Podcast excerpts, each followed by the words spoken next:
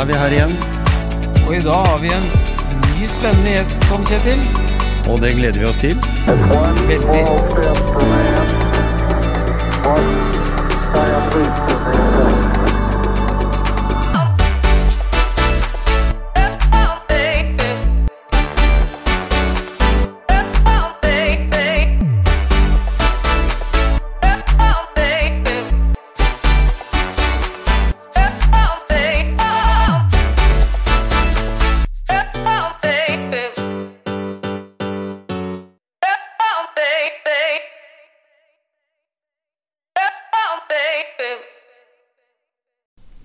Gisle, jeg er litt opptatt av navn på idrettsanlegget.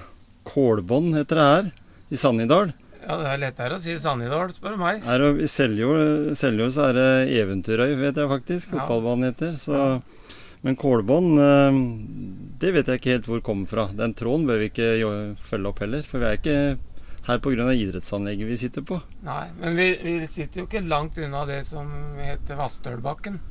Nei? eh, Hoppbakke. Og det er jo det som er interessant med den personen vi har møtt i dag. Mhm. Ole Henning Holt. Skihopper. Skihopper. Han er faktisk uh, luftens konge. Ja, ikke sant? Og jeg husker jo Ole Henning fra gutte- og juniorhopping. Han var jo en av Norges beste, faktisk. Mm. Og det jeg vil kalle for uh, hopptalent. Mhm. Og så var han jo mange år borte fra hoppinga, og jeg tror det er ni år siden, da vi var på sånn mesterskap oppe i Herselbakken som veteraner. hvor Ole, Ole, Ole Henning ikke var he hadde helt sånn hoppkropp som han har nå, da. Nei? Og hvor han sa idet han slapp bommen Neste år, Gisle. Neste år. Og det, det Det- var noe som blei neste år. Det var en helt annen Ole Henning. Og det, Ole Henning, det blei neste år. Det, det blei neste år, det. Og det, det har blitt, nå har det jo blitt noen år. Det, jeg Ja. tror det blir tiende året Gisle, som jeg går inn i nå i vinteren. Så det har vært en, eh, en såkalt fin reise, da, vet du. Ja, ja, ja. Med å finne tilbake til idretten og røttene innenfor skihopping. Så den, det har bare blitt en veldig sånn Jeg trodde ikke at det har vært At det idrettslivet mitt har vært så viktig, da. Men det, det, det, det kjenner jeg jo når jeg Mhm. kom tilbake. Og finne, finne miljø. Finne, finne den aktiviteten igjen da, som sterkere enn faktisk når jeg var Når jeg var ung, da. Ja, ikke sant? Og så, Det er jo sånn at eh, det er jo mange, det er naturlig for mange å gi seg med idrett i, i sånn eh, ung voksen alder, da, på grunn av at man kanskje søker til studier, man gjør andre ting, da.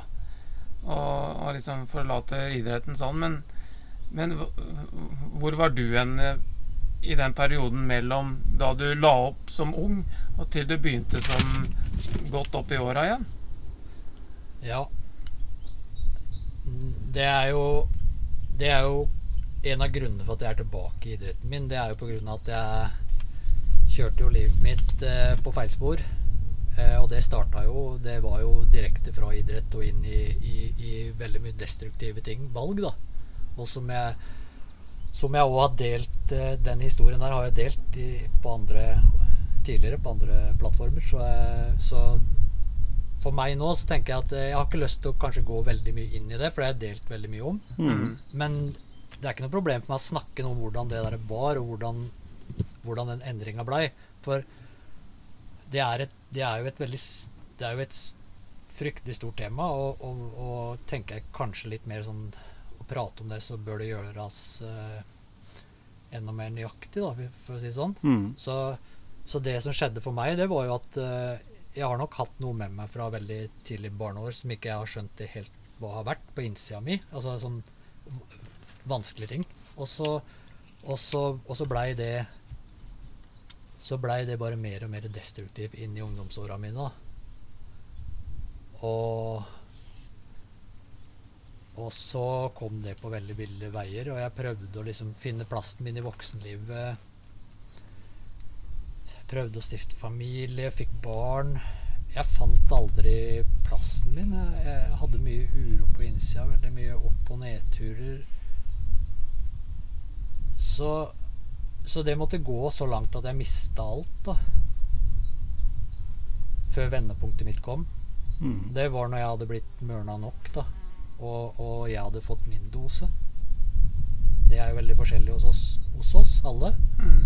Så for meg så, så Så var det mange år hvor jeg prøvde å ta tak i livet mitt og prøvde å gjøre endring, og jeg fant ikke, og jeg skjønte ikke hvordan jeg skulle få det til. Og så, og så var det med en del omstendigheter. Så, så, så, traff jeg Blei kontakta av et menneske som hadde fått ting på rett kjøl, og, og, si, og, og han skjønte at jeg sleit da, og hadde gjort det over lang tid òg, og, Mm. og ikke fikk det til å funke. Og så, Det var et fellesskap han hadde funnet, og, det, og da fant jeg det. Og fant noe der som blei min retning og min løsning. Og gjennom det òg så, så fikk jeg kommet i behandling, og jeg, jeg, det var dyptgripende endringsprosess jeg var i, da. Så jeg, jeg, jeg begynte jo å, å virkelig erkjenne hva problemet mitt var. Så, så du mener at det, for å gjøre en endring, så er det viktig å, det å erkjenne at du har et problem, da? Ja, og det er jo det jeg finner igjen i alt det jeg har foretatt meg et- etterpå. Det er jo noe med å komme til den ærligheten, da, og, og, og hvis jeg skal gjøre en forskjell for meg sjøl, så, så må jeg erkjenne hvordan det står til. Og det er jo, tenker jeg, det er vel et livsprosjekt for de fleste av oss. Det er til enhver tid greie å, å påpeke det som som kanskje henger litt, og lugger litt. Da. Mhm. Så Men, men jeg, Det jeg syns jo det er veldig interessant eh, den retningen. Men vi har jo snakka litt sammen tidligere, og jeg tenker sånn at vi gutta i motivasjonspreik, vi er liksom litt opptatt av hva er det som egentlig var den som var hovedmotivasjon til at du valgte å, å endre, da? Da ja. snakker vi, jo- vi ikke snakke så veldig mye om kan du si, situasjonen der du var da, men hva som liksom gjorde at det løfta deg? Skihoppinga hadde du sikkert hatt i hjertet ditt hele tida. Ikke slipp taket, for siden du tok den opp igjen eh, mye seinere, da. Men hva er det som liksom var den ordentlige motivasjonen her? det, jeg kan si det sånn Jeg skal prøve å være litt sånn eh, eh, Si det litt klart. Ja. Det, som, det handler om Når du har rota deg vekk og havna inn i rusavhengighet, Mm. så handler det om at for å få et vendepunkt der, så handler det veldig mye om at det å nå bånden sin, det å og det tenker jeg det handler da om at du har fått nok Du har blitt mørna. Du har Mhm. fått nok Du har påført deg nok konsekvenser til at dette her går ikke lenger. Nei, ikke Altså, sant? og jeg er så heldig at jeg har funnet det. Altså, det er ikke alle som kjenner og finner den. Bånden sin, sin personlige bånd, for den kan være veldig forskjellig for oss. Mm.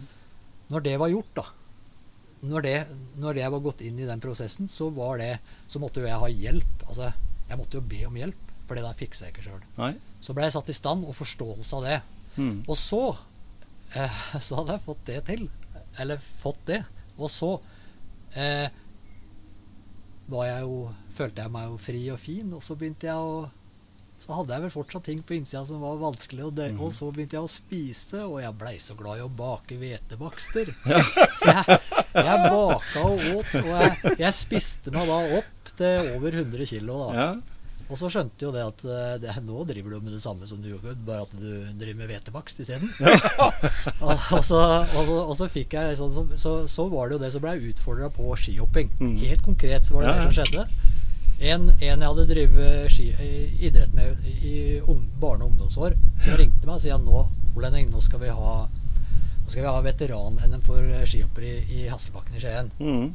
Mhm. Og jeg ringte deg i fjor, så du, du skulle jo tenke på det. Har du tenkt på det? Ja, jeg har tenkt på det, men det, det jeg sa til deg, var vel det at jeg, jeg må ta av meg noen kilo. Og nå er jeg jo Nå, nå er jeg i hvert fall en jobb, for nå veier jeg, nå veier jeg 100 kilo. Og så men jeg skal tenke på det. Og så ringte jeg. Ja, det ja, men det der var en fin utfordring. Så sånn starta det, og så sier jo Gisle noe om det i, til å starte, eh, som han begynte med, at han møtte meg i Hasselbakken og bare vent. Så jeg var der oppe og hoppa 60 meter med, med 97 kilo da, Ja. i kroppen. Så, og jeg syntes det var så gøy, og det inspirerte meg så disse her eldre karene, som var faktisk eldre enn meg òg da. Altså de gutta i 55-60 år gamle som hoppa liksom til K-punkt i den 60-meteren. Og da tenkte jeg det der husker jeg var gøy. Mm. Å gjøre det i de 60-meterne. Det der kan jeg òg få til. Så fant jeg en sånn helt vill motivasjon, da. Hva må jeg gjøre? Jeg må gå ned i vekt. Og da kobla jeg huet, det gamle huet mitt kobla inn. da. Hva må du gjøre nå? Så var det det. Jeg kan ikke fortsette med den spisinga. Jeg må gjøre en total forskjell. Og det gjorde jeg. og Begynte å lese meg på lavkarbo, og det funka som fjell for meg. Begynte å gå med staver. Ut og gå med staver hver dag i Ja. 40 minutter. Og, og, og så blei det bare en sånn Jeg kom inn i jeg kom inn i en sånn eh, løype som funka. Jeg gikk på vekta hver morgen, og det, var, og det rant av meg. Så det her var jo i januar-februar. Så i slutten av mai, når jeg møtte en del av disse veteranhopperne som, som holder på voldsomt, Mm. møtte de i, i Drammen i Gjerpenkollen i mai, så, så veide jeg 75 kilo. Så det hadde rast av meg. Så, så, så Og der, har det, og der starta det, og da fant jeg miljøet. Jeg fant skihopping, og da er, har jo jeg et litt huet, Det er litt enten-eller, så det Mm. er jo også en balanse for meg. Så, så, så det, er- man kan hoppe seg også inn i ting. Ja. Så, det, er- så det er ikke tvil om det. Men jeg, jeg, jeg kjenner at jeg har, en, jeg har en annen base nå enn jeg har hatt før da. Ja, og, og det er jo litt artig det der du sa, det der med at du, du tok den endringa. Også året etter så var vi borte i Rudtvedtkollen. Og da kommer jeg bort der, så sier han som sitter inne i bua der, da eh, Ja, i dag er Ole Henning her.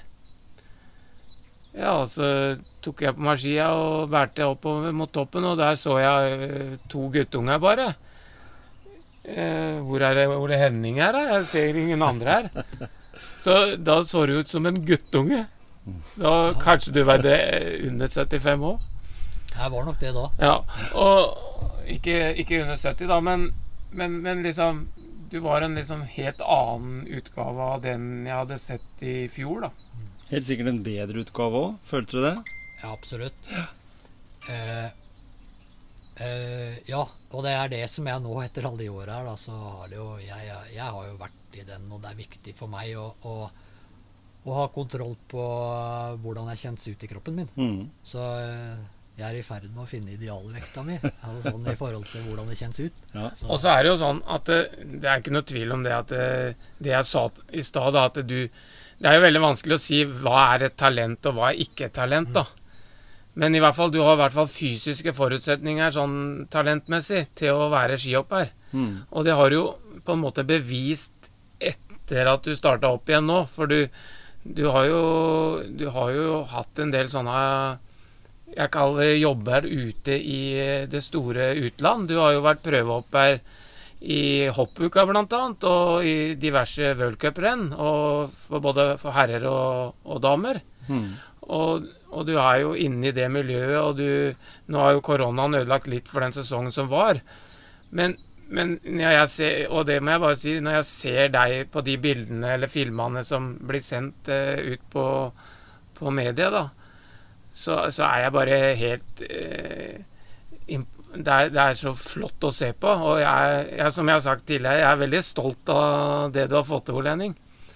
Og, og, og det liksom Men det der med det talentet, da. Du hadde i hvert fall skihopping inni, for det har du bevist mellom den hoppinga du gjør nå, og, og du hopper over 140 meter i en alder av 53 Det er 4-3 nå må jeg tenke. Men fire- 54. 54. Men, men ja, ikke over 140. Men det er målet mitt nå, da. Ja. Altså det Målet mitt er over 150. Men, men Ja, men du har hoppa over 130, Ja. nesten 140. ja, Mm. det, det er, Og så er målet ditt å hoppe 150, ikke sant?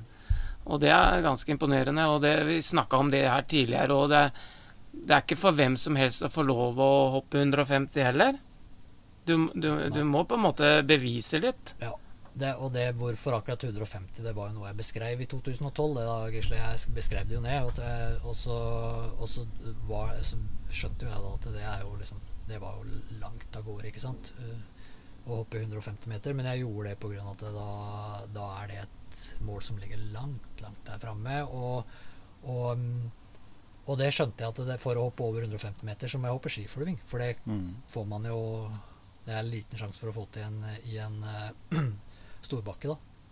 Så Så mm, Og det er jo nærmere enn det noen gang har vært, for å si det sånn. Så for det om det er langt dit ennå. Så, Mm. Men eh, Men, men eh, det er den Det er, det er den hele tida, det å bryte noen grenser, det er jo det som jeg liker med dette her. Mm. Det er det som idrett er for meg. Da. Det å bryte sine egne grenser. Det å pushe det litt lenger. Men da, ja. Ja, for det er jeg litt interessert i, jeg som er litt utafor. Begge dere to hoppa jo, da. Altså Gisle, du hoppa jo litt på ski, du òg. Ja, jeg, jeg, jeg, jeg har tenkt å holde det litt ved like, men det er jo, det er jo på et helt annet uh, greie enn det Ole Henning gjør nå, da. Ja, Ja. Men det vi har snakka om tidligere innenfor forskjellige typer idretter, da. Skihopping er sin greie, liksom. Den gamle norske tradisjoner. Det har endra seg ganske så mye siden eh, Per Bergerud og disse gutta hoppa. Da var liksom stil og lengde var ikke så viktig. Nå er det jo om å gjøre å hoppe lengst. Og vi ser det her med jentene. De får jo ikke lov til å hoppe, da. Det er sånn eh, Er liksom hopp uh, Hopp sin miljø Er det sånn kunne det vært litt mindre siderumpa? Sånn som mye annen idrett i Norge er. Bare for å ta det. Fordi jeg tror at når du hopper, så konkurrerer jo med deg sjøl. Og det er mange andre, som du sa i stad, på din egen alder som, og, og eldre også, som er sånn skikkelig hekta. Altså de, de går jo all in. Og en har kanskje aldri hatt bedre mulighet til å heller prioritere seg sjøl på den måten når en kommer opp i 50-åra, da. Men hvordan er forskjellen mellom deg og en eh, yngre som også går all in? Er det sånn som det er for uh, Gisle og meg, eller for andre som Du må løpe på egne tider, du må hoppe på egne lengder også? Eller kan du liksom gruse de litt innimellom? Tenker jeg da. Nei, det er altså Skihoppere i dag, de som uh, unge gutter som, uh, som hopper på ski, det er uh, det er eh, atleter i utvikling som eh, ønsker å bli eh, de beste skihopperne. Det er stort sett de fleste søker det. Det, det er eh, miljøer ut fra toppidrettsgymnaser og, Ja, og, og, og miljøer som er toppsatsende. Da. Mhm. Så, så dette her er frykt, Alle de er gode skihoppere. Og det er på et veldig høyt nivå. Hvis Ja. jeg sammenligner det kanskje med når jeg holdt på på 80-tallet og sånn, så er det høy, høyt nivå. Mm. Så, så for meg så er det Jeg, jeg, er, jeg driver jo dette her på, på en sånn måte Jeg er mer løs kanon. Jeg, jeg forholder meg ikke så mye til eh, til alle disse som de unge gutta må innenfor reglement på utstyr. Hvordan de trener med fart og alt det her. Jeg, jeg har gjort tatt mye Tatt mange tatt, eh, tatt mange valg på å kjøre trøkk da med høy fart, hoppe langt, eh, Mhm. uten at jeg har kanskje teknikk og alt på plass.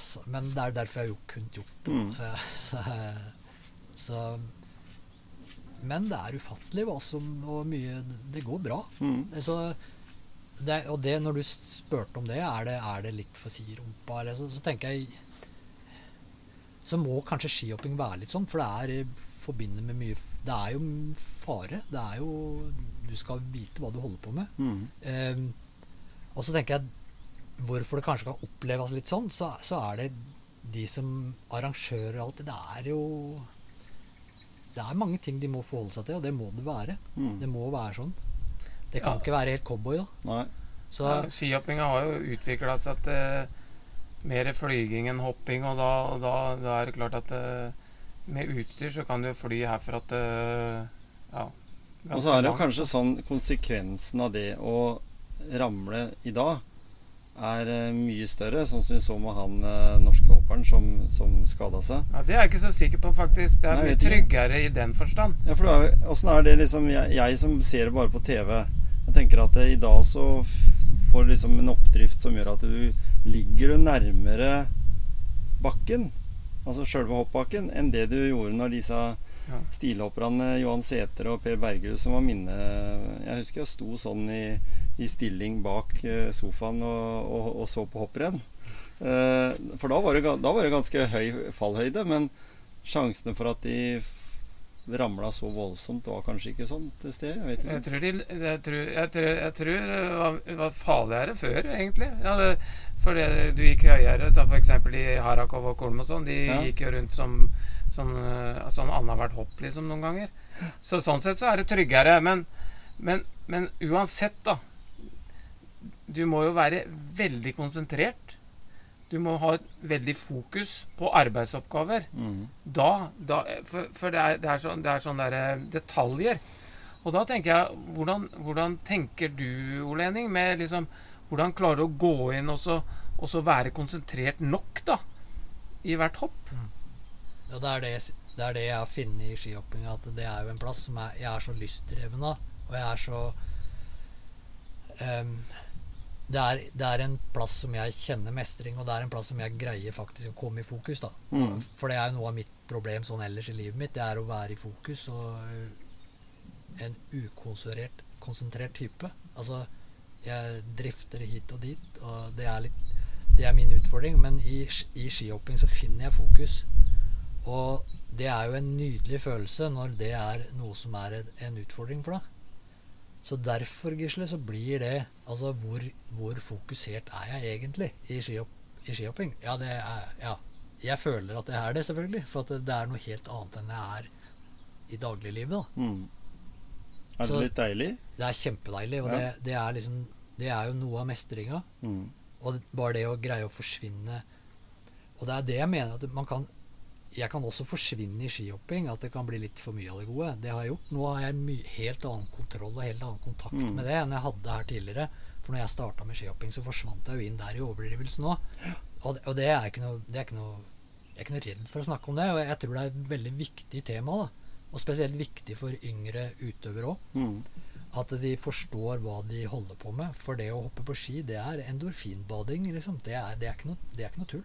Nei. Så det er store følelser. Mm. Så, så jeg tenker at lære noen det, hvordan det påvirker deg, det er viktig, da. Mm. Og jeg er heldig, da, som har noe av den forståelsen. Mm. Så det å kjenne den mestringa og, og hvordan jeg greier å være i det fokuset, det Det er jo med jeg, Det er viktig for meg å utvikle det. Det er jo der det ligger nå, Gisle, videre. Hvis jeg skal ta det videre, så handler det mye om at jeg jobber godt med det mentale og, og forstår litt mer hvorfor jeg holder på, og hva det er som driver meg, Mm. og hvor jeg vil. Ikke sant? Mm. Altså det, at det er virkelig opplagte ting. Jeg skjønner at det er opplagte ting, det vi snakker om nå, men det er det er det som er for meg. Det er gjentagelse av de tinga. Så de setter seg hos meg, og at, blir bevisst, at jeg blir det bevisst. da. Mm. Og at jeg kan jobbe mye mer systematisk med den mentale biten da, inn i skihoppinga. Mm. For det vil du- hjelpe meg på andre områder. da. Som du igjen kan overføre til, til den daglige dag. Absolutt. Dagligdags ja. Det du gjør i dag, Ja, daglig og det er, det, det er dette som er vanskelig for meg å Og kan du si si så mye om når jeg er i det nå. For at det, jeg har flere måter å se hvorfor skihopping er viktig for meg. Da. Og det, det er ikke Det er viktig i den form at jeg utvikler meg, og kanskje at jeg nå kan bruke det inn i noe annet, og også være der kanskje for å gi, motivasjon til andre mennesker, da. Og, og være med og dytte folk i en god retning. Så det er det, det er det jeg ønsker å utvikle mer og mer hos meg. Og for, for jeg kommer til ikke å hoppe på ski til jeg blir 60. Jeg tror ikke det, i hvert fall. Altså, for jeg har lyst til å utvikle litt mer rundt dette med å se andre mer òg. Mm, Altså, mm, nå mm. prøver jeg å få meg sjøl, bygge meg sjøl på plass. For det er, en, det er ikke gjort i en håndvending. Så det er um, Ja. Og det det leder meg litt uh, til et spørsmål jeg lurer litt på. For jeg er litt som Apropos du har vært der du er og, og har gått den veien, så tenker jeg er litt mer Jeg er veldig opptatt av ikke bare ettervern, da, men forvern. Og jeg ser jo det at det er jo organisasjoner som tar seg av ungdom, da. Og så tenker jeg hva kan, hva kan du si til ungdom som kanskje Nå er det vanskelig å innbille seg åssen du har hatt det sånn sett, da. Vi kan bare høre hva du sier. Men liksom ungdom som er i den derre eh, Kall det et veiskille eller krøss. Hvem vei skal jeg velge, da? Hva kan, hva, hvilket trøkk kan settes inn der fra, fra omgivelsene, foreldrene Ja, rett og slett eh, hele Norge, da, for å si det på den måten. Så, eh, Ja, for Du kan jo svare på den på to måter, egentlig. Du kan svare det som skihopperen Ole Henning, og så kan du svare det som eh, tidligere, tidligere rusmisbruker, men nå eh, en 54 år gammel mann. Hva kan du det, For jeg også tenkte akkurat på det du sa der, Gisle. For jeg syns også det kunne være interessant å vite hva du på en måte kan gi videre til den yngre generasjonen av lærdom. da Sånn, sånn i korte trekk. Ikke nødvendigvis at den behøver å gå så dypt, men liksom det er mine salgsargumenter Ja, akkurat det. ja, Hvis ja. du, Det her er jo tusenkronersspørsmålet. ja, ikke sant? Så, så, og det og unge mennesker som som, eh, som sliter med å ta, ta gode valg, da. Altså, vi, vi mennesker vi tar den letteste veien. Det er jo uten tvil, liksom. Mm.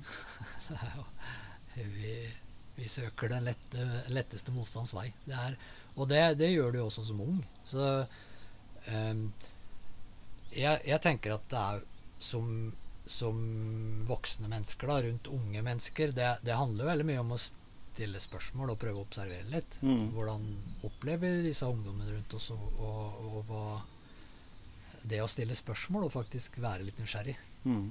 Så det er jo noe jeg ønsker å utvikle hos meg sjøl, i hvert fall. At, at, jeg, at jeg får den inngangen mot andre mennesker. At jeg heller undrer meg istedenfor å gå i konklusjon. Mm. Så det er jo faktisk eh, lure litt på hvor, hvordan folk har det, ungdommen har det. Mm. Og jeg tenker Starter kanskje at eh, du har Kall det en fordel, da. I forhold til en som bare har lært det i teorien. Mm. Og hjelper andre mennesker, da. Mm. ha et forhold til det. Ja. Eller du kan faktisk eh, delta i opplæring i Jeg tenker i noen som tar en utdannelse innen sosionom, eller hva det måtte være, da. Ja, altså erfarings, er- Erfaringskunnskap, den er viktig, den. Mm. Klart det. Mm. Mm. Det er det. Men det, må jo, det må jo brukes inn i en sammenheng, da. Så. Mm. Mm. Det er, mange, ja. det, er jo, det er jo så mye metodikk, da. Så det er jo innenfor disse områdene vi snakker om i forhold til det med utvikling og avhengigheter. Og det er jo mange forskjellige metodikker som man kan bruke. Og, øh, men men øh, det, det starter jo i den øh, undringa vi gjør overfor de menneskene vi står overfor. Mm. Mm. og erkjennelsen, og da igjen komme til en erkjennelse, og at det er rom for det. Mm. Og så, bør, så tenker jeg det bør ikke bare være i- Vi snakka veldig mye om idrett og sånn, da. Og for deg så er det jo idrett, da, men det bør jo ikke bare være idrett. Det kan være andre ting og Absolutt. Ja. Det er jo det jeg finner nå, som jeg, som der dere møter meg i dag, på, på Kragerø-akademiet. ja. Det er, det er jo en plass jeg har funnet som, som, jeg, som passer så til mine verdier og, og måten å, å se ting på. Mm. Og, og hvordan man møter mennesker, og hvordan man tenker. Og, og lage mestringsarenaer for mennesker som føler på utenforskap, og Mm. som har det vanskelig, og som. Det å møte mennesker med på, i et sto, altså at det er rom, da. Mm. At ikke man dytter mennesker foran seg. Jeg, jeg tror vi er helt nødt til det i, i samfunnet vårt i dag. Jeg, jeg har kjent det på kroppen når, noe har begynt, når jeg hadde det vanskelig, noen begynte å dytte, for de visste ikke hvor jeg var. Ja. Nei, det er vel ikke tvil om at det er det er, eh, det er mange mennesker som man kan motivere. Unge Mhm. mennesker som eh, ikke finner ut av det. Så på vei inn i voksenlivet, det er ikke bare bare. Nei. Og det, det skjønner jo jeg at det er jo er en, he, en helt annen tid nå enn når jeg gikk inn i voksenlivet. Så, så, Mhm. så det er, men, men eh, plassen min på Kragerø Akademi, ja, jeg kom dit i, i eh, januar. Eh, og jeg har vært med og bidratt litt med å være sjåfør og hente folk og Ja. Og, og så har jeg Og der jeg er nå, det er det at jeg har brukt Det er en plass hvor jeg har fått brukt noe til å skrive et prosjekt på, på dette her som jeg holder på med, med skihopping. Så jeg har Mhm. vært mye jeg har vært, Nå har jeg vært flinkere til å, å gå inn og beskrive hvor jeg vil, og, og hvordan. Så så har jeg gjort det litt mer systematisk. For jeg, jeg, jeg er en person som liker å drifte rundt og flyte. Jeg liker å flyte, bare. Ja. Så, men, men jeg må jo hvis, jeg skal, hvis det skal bli noe greie på ting, så må jeg, må jeg få det ned på arket og, og ha et mye mer sånn klart forhold til hvor jeg vil, og, Mm. og hvordan. Så, så, og, ja, så det har jeg brukt den tida på nå. Eh, og så gjør jeg det for, som jeg sa tidligere, at eh, jeg gjør det for at jeg kan bruke det når jeg skal inn og kanskje Kanskje det er det jeg skal. Mm. La, et prosjekt inn mot ungdom. Mm. Altså, i forhold til idrett, kanskje. Inn mot idretten. Så, men det gjenstår nå å se, da. Hva, hva, jeg leiter litt etter hva jeg skal bruke resten av voksenlivet mitt til. Eller filmbransjen, kanskje? Eller? Ja, Ja, det var det. Ja, sønnen min har i hvert fall eh, gått den veien. Og han, eh, han er jo gira på å lage gjøre mer, gjøre mer sammen med meg. Så vi, vi kan jo sikkert finne på noe sprell, ja. Ja, for det, for det Nå vet jo ikke lytterne, da, men du har jo akkurat vært med på en film som heter 'Luftens konge', som, som sønnen din har, eh, har laga. Ja, Og det er jo et interessant eh, tema, det òg, jeg tro. ja, Det ja, handler vel litt om deg der òg, eller? ja det gjør det. Det er jo Sønnen min har, har jo holdt på med en, med en utdannelse på Westerdal i Oslo innenfor film. Så, så han har jo laga bacheloroppgave om, eh, om seg sjøl og faren sin. da. mm. Så, så, så det har jo vært en, noe vi har holdt på med siden før jul, det. Så det, det har vært en, eh, det har vært en, en vei. Så, så det har vært veldig fint. Og vi har jo blitt bedre kjent med hverandre. Og, og, og sønnen min Eirik eh, er, er veldig takknemlig for at vi har kunnet gjort det sammen. Mm. Og det er jo selvfølgelig jeg også. Så, så, så det har vært eh, en fin ting, da. Ja, for den heter Jeg vet ikke om jeg nevnte det tidligere her. Jeg kalte den for eh, 'Luftens konge'. Ja. Og jeg har jo skjønt at det er det filmen skal hete, da. Ja, det er det tittelen er på den, så den er ferdig nå, den. Og, og den er jo i, vel, som jeg har forstått, skolens eie nå. Og, og så er det jo noe som Det her er noe som uh, Eirik, sønnen min, uh, og, og ei som heter Pia, som har vært med og laga den. Så det, det er sønnen min som har hatt regi på det. Så, så han ønsker jo nå å søke den inn på noen filmfestivaler. Og, ja, Mm. Det er en dokumentarfilm, da. Og, ja. så, Mm. Og det er jo Sjangeren dokumentar er jo veldig, veldig populær blitt. For vi vet jo fra vi intervjua Knut Inge som Solbu, som hadde, var utøvende produsent på Rådebank, mm. så er jo han eh, Daniel Farah er jo også en utdanna film... Eller ung, eh, ung kar. Gikk sammen med dattera mi på skolen, faktisk, på Hjalmar Johansen, på mediekommunikasjon. Og han har jo også spesialisert seg fra tidligere litt på dokumentar. Men I dag så har det jo blitt veldig populært å lage eh, dokumentarpreg i filmer. Så akkurat det der, der eh, kan nok være en, en god greie. Også. og, og i hvert fall tenker jeg da hvis en kan få den ut på de rette mediene, sånn at den blir sett. For det er jo en sterk historie, vil jeg tro, og, er, og, en, og en litt privat historie også, som, som kan være litt interessant å se i en sånn type dokumentarform. Så kan folk se sikkert at du hopper litt der òg, vil jeg tro. ja, det er noe, det er noe innslag Ja, av det det. er innslag. Så det er jo litt sånn Det er jo eh, noe av den tematikken rundt der. Det er jo noe med at uh, sønnen min, han eh, Han peker jo på hva Han har, ser jo livet mitt, at, jeg, Ja. at jeg har gjort en forskjell. Og, og at jeg er jo en, jeg er en, en superhelt for han. Så, Ja. så, og det å oppdage det og, og han sier jo noe om at jeg er god nok. Og så, Mm. så det Og vi jeg, jeg har vært Jeg har pekt kanskje litt mye på at eh, at jeg og barna mine ikke Det blei ikke sånn jeg hadde tenkt meg. Og vi har ikke fått den relasjonen som vi burde ha fått. Og så møter jeg da, sånn som nå, gjennom den filmen hvor sønnen min faktisk eh, Han peker på noe at det, det skulle ikke ha vært annerledes. Nei? Vi har det vi har. Vi, det, er, det er bra nok. Mm. Og det er Og det er så sterkt å oppleve, for han setter meg fri da, Mm. gjennom det. Mm. Så eh, jeg behøver ikke å grunne mer på det, og det er, deilig, det er deilig. For det, det er lettere sagt enn gjort, men, Mm. men eh, Så Ja, det vil jeg tro. Og så er det jo ikke bare sånn at eh, Jeg også har jo tenkt det mye. Jeg jobba veldig mye i den tida da ungene var små, og tenkte at nå får jeg høre det når de blir eldre, liksom. At, eh, at jeg har vært en fraværende pappa. Jeg følte den sjøl, i hvert fall når den begynner å oppsummere i, i dag. Eh, og du får tilbakemelding på det at nei, jeg syns det har vært helt topp. Uh, jentene hos meg syns jo det var mer ålreit å reise og grille pølser på, på en gapahuk enn å være i Disneyland Paris. Så eh, og vi har prøvd begge deler, og, og vi kom på en måte hva, hva spør barna dine om hva de husker? Da husker de faktisk de her mer hverdagslige tinga som betyr mest. Altså det der den var Det hjalp bare å være til stede. Og i dag så er det jo ikke lett. En kan jo si det at det var sikkert ikke lett før heller, men det er søren meg ikke lett å være foreldre i dag heller. i sånn som en vokser opp i dag. I en sånt bombarderingsgreie med eh, digitale løsninger overalt. Og det er eh, sosiale medier, og det er eh, ja, voldsomt. Og stort press på barna våre òg, vil jeg tro. Så kjempespennende det du sier med å, å kunne jobbe der. Fordi jeg tror jeg, jeg, pleier å kalle det i, min lille praksis, da, som jeg har ved siden av jobben, at vi må finne fram til noen sånn analoge kommunikasjonsplattformer igjen. sånn som eh, gode, gamle platespilleren er jo i forhold til i dag, eh, som vi sitter her i dag, med, med, sosiale medier og det digitale streaming og alt. At, det, at, vi på en måte bør lande litt.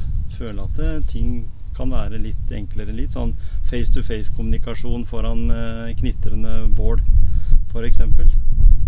Det er min innerste ja, drive, da. Det er så bra. Er, for meg så er dette musikk. Ja, liksom, for, det, for det er Det gjentar seg liksom det enkle. Det er det som fungerer. Og det var det når du sa eh, gnistrende bål. Det var det sønnen min gjorde nå på et av de mm. siste opptakene. Vi var ut, vi, 'Pappa, vi skal ut i skauen'. Det var noe av det vi drev med. Ja. Når de var øh, små. Og når vi gjorde det nå igjen, så blir det bare en kjempefin opplevelse. Det har han mm. med i, i filmen nå. Så, så, så, det er, øh, det, den filmen, blir den vist uh, Åssen er det nå? Blir den vist nå, eller blir den lagt ut et sted, eller? Nei, den blir vel ikke delt nå. For nå er det, som sagt, nå er jo det en bacheloroppgave for han som mm. er blitt levert inn. Og så er det vel skolens eie, da. Og så blir det vel etter hvert og kanskje at det blir meldt inn det, Eller han har jo meldt inn på noen filmfestivaler og sånt, så, så håper han vel at noe skjer, da. Så, mm. så da kan det mm. vel kanskje da bli en mulighet, da. Så, ja, ja. Men privat så kan man jo vise den til noen privat. Ja. Altså det som er, da, det For folk, da, så, så foregikk, det, foregikk jo hoppinga oppe på Lillehammer i 120-en.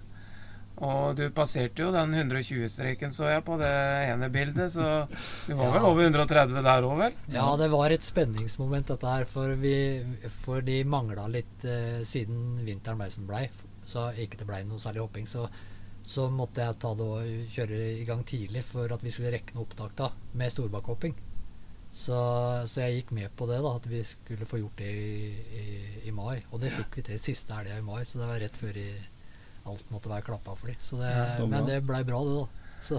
Mm. Men, men Ole Henning, jeg er jo veldig interessert i skihoppinga di. Og jeg er litt Jeg har jo hørt og bruddstykker av hvordan det fungerer når du er i hoppuka. Det, det syns jeg lytterne skal få lov å høre litt, liksom hvordan det sirkuset der er. Nei, og, og, blir det sirkus til neste år? Ja, ja, det er jo noe jeg sa det i stad. Jeg har brukt uh, vinteren til å beskrive neste året. Så jeg, mm. jeg har fått uh, gå for å komme ned igjen og være, være, gjøre prøveoppjobben til vinteren. Ja. Så jeg har planer om å bo nedafor i vinter. Jeg. Og det er jo noe av det. Det er å oppleve det, Gisle. Det er jo helt surrealistisk. Og du sitter eh, første, første jeg, var, jeg, begynte jo i Klingenthal i World altså i forfjor. Og, og, så var det til Engelberg rett før jul, og så var det til Oberstdorf. Og så kommer du i hoppuka i første renn i Oberstdorf, og så er det 25 000 mennesker nedi den lille gryta nedi der. Det er Det bruser. Og så skal jeg testhoppe. Og ja, det er, det er rå Det er gærne følelser. Det er helt surrealistisk. Samme var det i, i nyttårshopprennet i Garmisch. Og mm. før, den dagen før, tidlig på dagen, vi fikk teste bakken, kjørt god fart, hoppa over K, hoppa 125 ja, og leka meg, liksom. Det er, det er jo nydelig. Det er, så ja. Fantastiske rå opplevelser. Mm. Samme vi var i Villingen kjent sted hvor det er, eh, hvor det, er eh, det var 30 000 eh, på fredag hvor vi også var Vi prøveoppdrivere var en del av å bli, bli Gå inn i og blir presentert da, inn i foran alle disse tilskuerne. Det er jo det er jo helt surrealistisk for en uh, mann på over 50 år. Ja, ja, en del av det. det er jo helt ja, for, merkelig. For når du snakker om det her med å være prøvehopper, så er jo det på en måte dere er på en måte de som tester bakken for at de som da hopper, altså kall det proffene, da, som kommer etterpå, de, eh, de, skal da Er det sånn at det, de de skal justere seg etter eh, hvor, tilbakemelding fra dere, eller bare at en ser liksom Sånn gikk det, og så Ja da, nei, de har jo noen eh, ting de ser på. De ser jo Mm. på farta og sånn, så de, Mm. det ser de jo på hvordan om den øker og minker. Ikke sant? I forhold til hvis det er nedbør, så, så vil de jo se at det øker til mer prøvehoppere de Mm. kjører. Så, så det er jo, vi skal jo kjøre sporet reint. Det er jo først og fremst det. Ja, ikke sant? Men du kan Så- ikke være full av vetteboller da allikevel. Nei, Du må fordi- kunne hoppe. Ja da, og så det er jo det er mange måter å kjøre tilløp på, så det er Ja. jo litt lurt at man eh, kjører det ganske ålreit, så det er, Mm. gir mening. Men, men vi, er mange, vi, er, vi er jo mange forskjellige prøvehoppere, så vi er inn i de worldcuphelgene. Så vi, Ja. vi har jo et lag på en 10 til 10 til 13-14 stykker. Mm. Så, så vi har litt å, å rullere på. Ja. Så, men ja, det er, det er Og så er det jo vind, da. ikke sant? Du Mm. får det kanskje Jeg hadde ja, eh, I forhold til vind det året som jeg var nede for, i forfjor, så, så var det jo Var det ganske fint. Men vi hadde en helg i Villingen som eh, var vindfull. Og jeg skulle debutere i Villingen. ja. Med, de fikk ikke i gang eh, kvalifiseringa på fredag. Og eh, jeg var klar for å teste den bakken. For den har jeg sett fram til. Det er den største storbakken, liksom. Så, og da, da hadde jeg en helt vilt nydelig opplevelse. For det alt rundt det, og jeg rakk opp handa hvem vi kjører her, liksom. Og, og jeg var, var vel andremann. Og det var liksom ut av og på bommen. Av og på bommen var ikke bra. Masse trøkk i lufta. Sterk oppdrift. Mm. Og så og så blei det bytte når du har den vært nok ganger, så blir det, så blir det bytting. Så her var det meg neste. Ut på bom. Prøve. Av og på. Og så blei det en pause igjen. ikke sant? Måtte vi vente i 20 minutter, og så var det igjen nye runder. Hvem er klar for å kjøre igjen? Ja, jeg er klar igjen, for jeg var sugen. For jeg visste at hvis jeg får grønt her nå, så får jeg nydelige forhold og Ja. trøkk. Og så var det var det en før meg, jeg var nummer to av prøveprogrammet, og han fikk grønt. Og så tenkte jeg nå er det mulig, og jeg er av på. Og så var jeg av fire ganger på den bommen. Og fjerde, eller fjerde gangen, eller femte gangen, så fikk jeg grønt, da. Og da var jeg så trigga. Jeg var så Jeg var så klar for flagget til han Mikael, han tyske treneren min. For det er òg en sånn Vi alltid, skal alltid gå på flagget hans. Mhm. Ikke på lys. Vi skal gå på flagget hans. Så, og da når han vinka meg hardt to ganger, så visste jeg at her er det, her er det mulig. Så det var, så det var den første hoppet mitt i Villingen. Det, Mm. det ble ikke et kjempelangt hopp, men det ble et veldig høyt hopp. Jeg Ja. gikk skyhøyt, og det løfta noe så hinsides. Så jeg vil dit igjen. Ja. Jeg skal dit til Villingen igjen for å virkelig få prøvd den bakken og hoppa langt. da For det, det sånn. det blei ble litt sånn Og det skjønner jeg når du er ut og inn av den bommen, så tenker jeg ja, det må jo være utrolig mentalt eh, press for de hopperne som, som på en måte lever av det òg. Altså sånn i forhold til når de skal ut i konkurranse, så, så er det tilbake, og så er det ut igjen. Og så sitter du der, kanskje du har tre hoppere igjen, eh, og du kan vinne liksom VM eller OL-medalje. Og så skal du ut og inn tre ganger. Det må jo være en utrolig påkjenning. Ja, ikke sant. Det er som å sende fotballag i garderoben tre ganger i løpet av omgangen. Det, er å si at ja, nå kan dere komme utpå igjen, gutter. Nå har dere fått du, du er på en måte Enten så nullstiller du, eller så er du liksom Som du sier, du hoppa høyt, og du var liksom Du hadde sikkert en enorm energi. Det må jo ha vært en sånn enorm, et enormt kick når du gjør det. Og når jeg vet, sånn som jeg hører med de som kommenterer skihopping, så er det jo om å gjøre å ha roen, da. Tenke sånn som han eh, han eh, Torbjørn Egner, holdt jeg på å si. Han barnebarnet. Nei, oldebarnet. Oldebarnet, mener jeg. Granerud. Ja, Granerud. eh, Som prater om Og ikke bare han, men jeg har snakka med Eller jeg si, hørt andre også som, som, som driver. At de prøver å stille deg ned til så nært treningshopping som mulig. At det er liksom da For når de hoppa sinnssykt bra på trening, da tar jeg med seg den samme følelsen inn i rennet, og så ser jeg alt som, som om det er. Jeg tror det var faktisk han der kombinert-utøveren. han, han også sa det. Mm. Han prøvde å være så fokusert, og jeg vet noen skiskyttere sier det samme. Glemme det at en er i den uh, situasjonen med 25 000 Ja, ja, brusende ja, ja. tilskuere. Du syns det sikkert er euforisk å bare Ja, se ja. det, men, men de som da må, de må bare Ja, ja. De må se null. må bryte det ned. Men det er, det er jo som jeg sa vi er på, på den bonusprojekten vi hadde sist nå, det er at det er skihopping og mye annen idrett da, på topp, da, god, god idrett, ser jo veldig lett ut. For folk som sier ah, det ser så lett ut. Men det vet vi at det, det er ikke. Nei. Og som jeg sier til Tom Kjetil, at eh, skihopping er vel den idretten jeg kan tenke meg har Nå skal jeg ikke sammenligne for mye idretter, da, men at eh, det er så mye mentalt. Du kan være fysisk sterk, du kan ha alle forutsetninger med utstyr og alt, men hvis ikke du er fokusert, ikke du er på plass, Mm. så blir det ikke topp, på en måte, da. Og, og det er klart, eh, det er jo mentalt i all idrett, da, men, men, men, men skihopping er jo utrolig sårbart. Mm. Det er jo liksom ja, Han er ikke i form nå. Det er ikke fysiske, det er det mentale, liksom.